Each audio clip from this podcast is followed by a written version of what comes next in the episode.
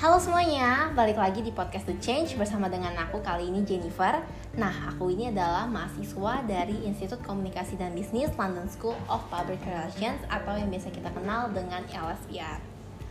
Nah, pada episode kedua kali ini, aku diberi kesempatan untuk membawakan sebuah tema mengenai kuliner dengan judul yang dapat kita lihat di podcast kali ini adalah All About Food. Oh ya, teman-teman di rumah ini sekarang pada hobi makan gak sih? Atau emang dari dulu sebelum pandemi emang udah hobi makan? Atau karena emang kita bosen nih di rumah aja jadi pada kayak aduh daripada gak kerjaan udahlah gue makan aja gitu kan kalau misalkan teman-teman suka makanan tertentu untuk saat ini atau emang teman-teman tuh suka banget ya namanya hobi makan gitu lah dari dulu itu boleh dong cerita sedikit mengenai pengalaman kalian cerita kalian di kolom komentar di bawah ini Terus nih pada kesempatan kali ini juga aku podcast ditemenin sama temen aku loh Jadi aku nggak sendiri aja di podcast kali ini Jadi Hai Hendro boleh dong kenal sedikit tentang kamu Hai, ya nama saya Hendro. Terus saya itu merupakan salah satu mahasiswa semester 3 dari salah satu universitas di Jakarta. Oh wah kuliahnya lancar-lancar aja kan ya Hendro Iya, tapi ya pada online sih belum masuk gitu. Iya sih soalnya kan kita terhalang pandemi ya Karena Iya, pandemi jadi terhalang mengenai waktu dan tempat juga By the way gimana nih kondisi kamu selama pandemi COVID-19 ini? Baik dong tentunya. Wah bagus dong, aduh ikut seneng deh kalau dengar kalau misalkan pada baik-baik aja ya. Semoga kalian dengerin ini juga pada baik-baik aja di rumah. Oh ya, by the way sebelum mulai ke inti pembicaraan dari podcast ini, aku mau kasih tahu loh kalau biasanya tuh sebelum pandemi ini, Hendro adalah salah satu teman kuliner aku, ya kan Bro? Iya. Ya tuh biasa tuh kita suka pergi bareng-bareng ya untuk misalkan kayak pergi jalan-jalan, pergi cobain makan ini itu. Iya nih, tapi lu tau lah semenjak corona kayak gini jadi susah keluar kan. Ya di mana kita juga harus menjaga kesehatan, terus mengikuti protokol kesehatan yang udah dianjurkan pemerintah itu. Iya bener banget. Jadi kita kayak udah lama juga ya sebenarnya kita nggak pergi jalan bareng-bareng, Iya. terus nggak pergi cobain makan ini itu kuliner ya. Jadi kayak emang udah agak ketinggalan sebenarnya nih ya. Gabut banget sih sebenarnya di rumah terus ya kan. Iya bener banget. Jadi kayak aduh udah sampai bingung kan mau ngapain lagi. Nah kalau boleh tahu nih selama corona ini kamu kan punya bisnis cafe ya sebelumnya ya. Nah itu bisnis cafe kamu gimana tuh? Ya gitulah pelanggan udah pasti berkurang kan karena corona ini. Terus ya penjualan otomatis menurun dong. Waduh iya sih pasti berat ya. berat banget ya di tengah kondisi seperti ini kita lebih tuntut untuk lebih berpikir kreatif gitu agar bisa bertahan di tengah pandemi. Contohnya nih dengan meng- mengganti strategi penjualan yang dari offline menjadi online. Terus kita memberikan potongan harga tapi dengan catatan dia harus memberi eh, membeli dengan jumlah yang banyak gitu. Terus membuat family packs eh, agar dapat dinikmati dalam jangka waktu yang lebih lama gitu. Oh banyak juga ya berarti strategi sama contoh-contoh kamu ya. Keren tuh, bener-bener harus ditiru karena emang kita harus lebih kreatif gitu kan ya Iya. tengah pandemi soalnya ya susah sih ya semuanya harus gitu sih mau gimana lagi. Iya Oh ya ngomong-ngomong kan PSBB udah berlalu, eh, udah berlalu nih Terus kita udah kayak mulai new normal Nah untuk sekarang ini tuh penjualan kamu udah kembali seperti semua belum sih? Atau apa ada perkembangan dibanding dengan sebelumnya? Eh, perkembangan sih ada tapi cuma dikit doang gitu.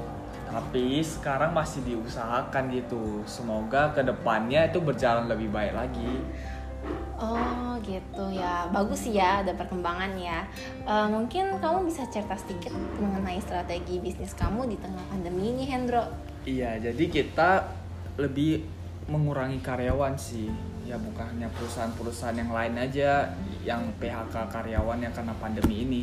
Tapi bisnis cafe itu yang kami lakukan juga mengurangi karyawan biar operasional yang kami keluarkan itu nggak banyak gitu. Kan penjualannya berkurang. Jadi kita harus mengurangi costnya. Terus kita lebih ke buat diskon sih. Karena banyak sekali kafe-kafe lain juga jadi terpaksa kita harus buat diskon biar bisa bersaing dengan yang lain Iya benar.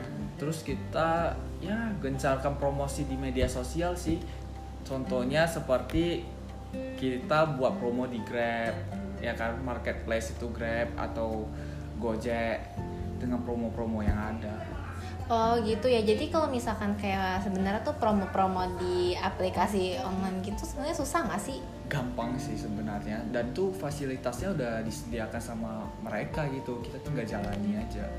Oh, tapi kalau misalnya dari situ tuh ada kayak peningkatan nggak sih? Kayak membantu kalau misalkan kayak kan masukin ke online gitu. Terus ada promo-promo itu benar-benar membantu nggak sih sebenarnya? iya membantu banget.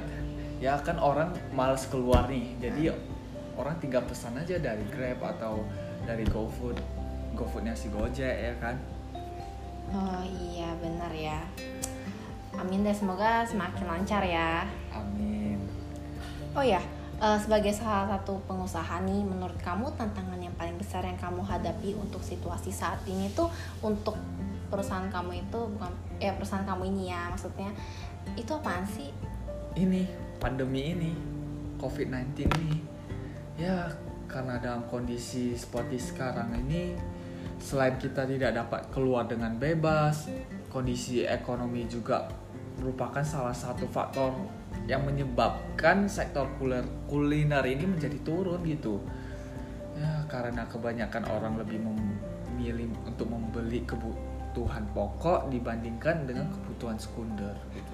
Oh iya sih pastinya sih ya. Bener banget ya. Soalnya kan eh, pandemi ini membuat sebagian besar orang yang bekerja itu ada yang dirumahkan ya.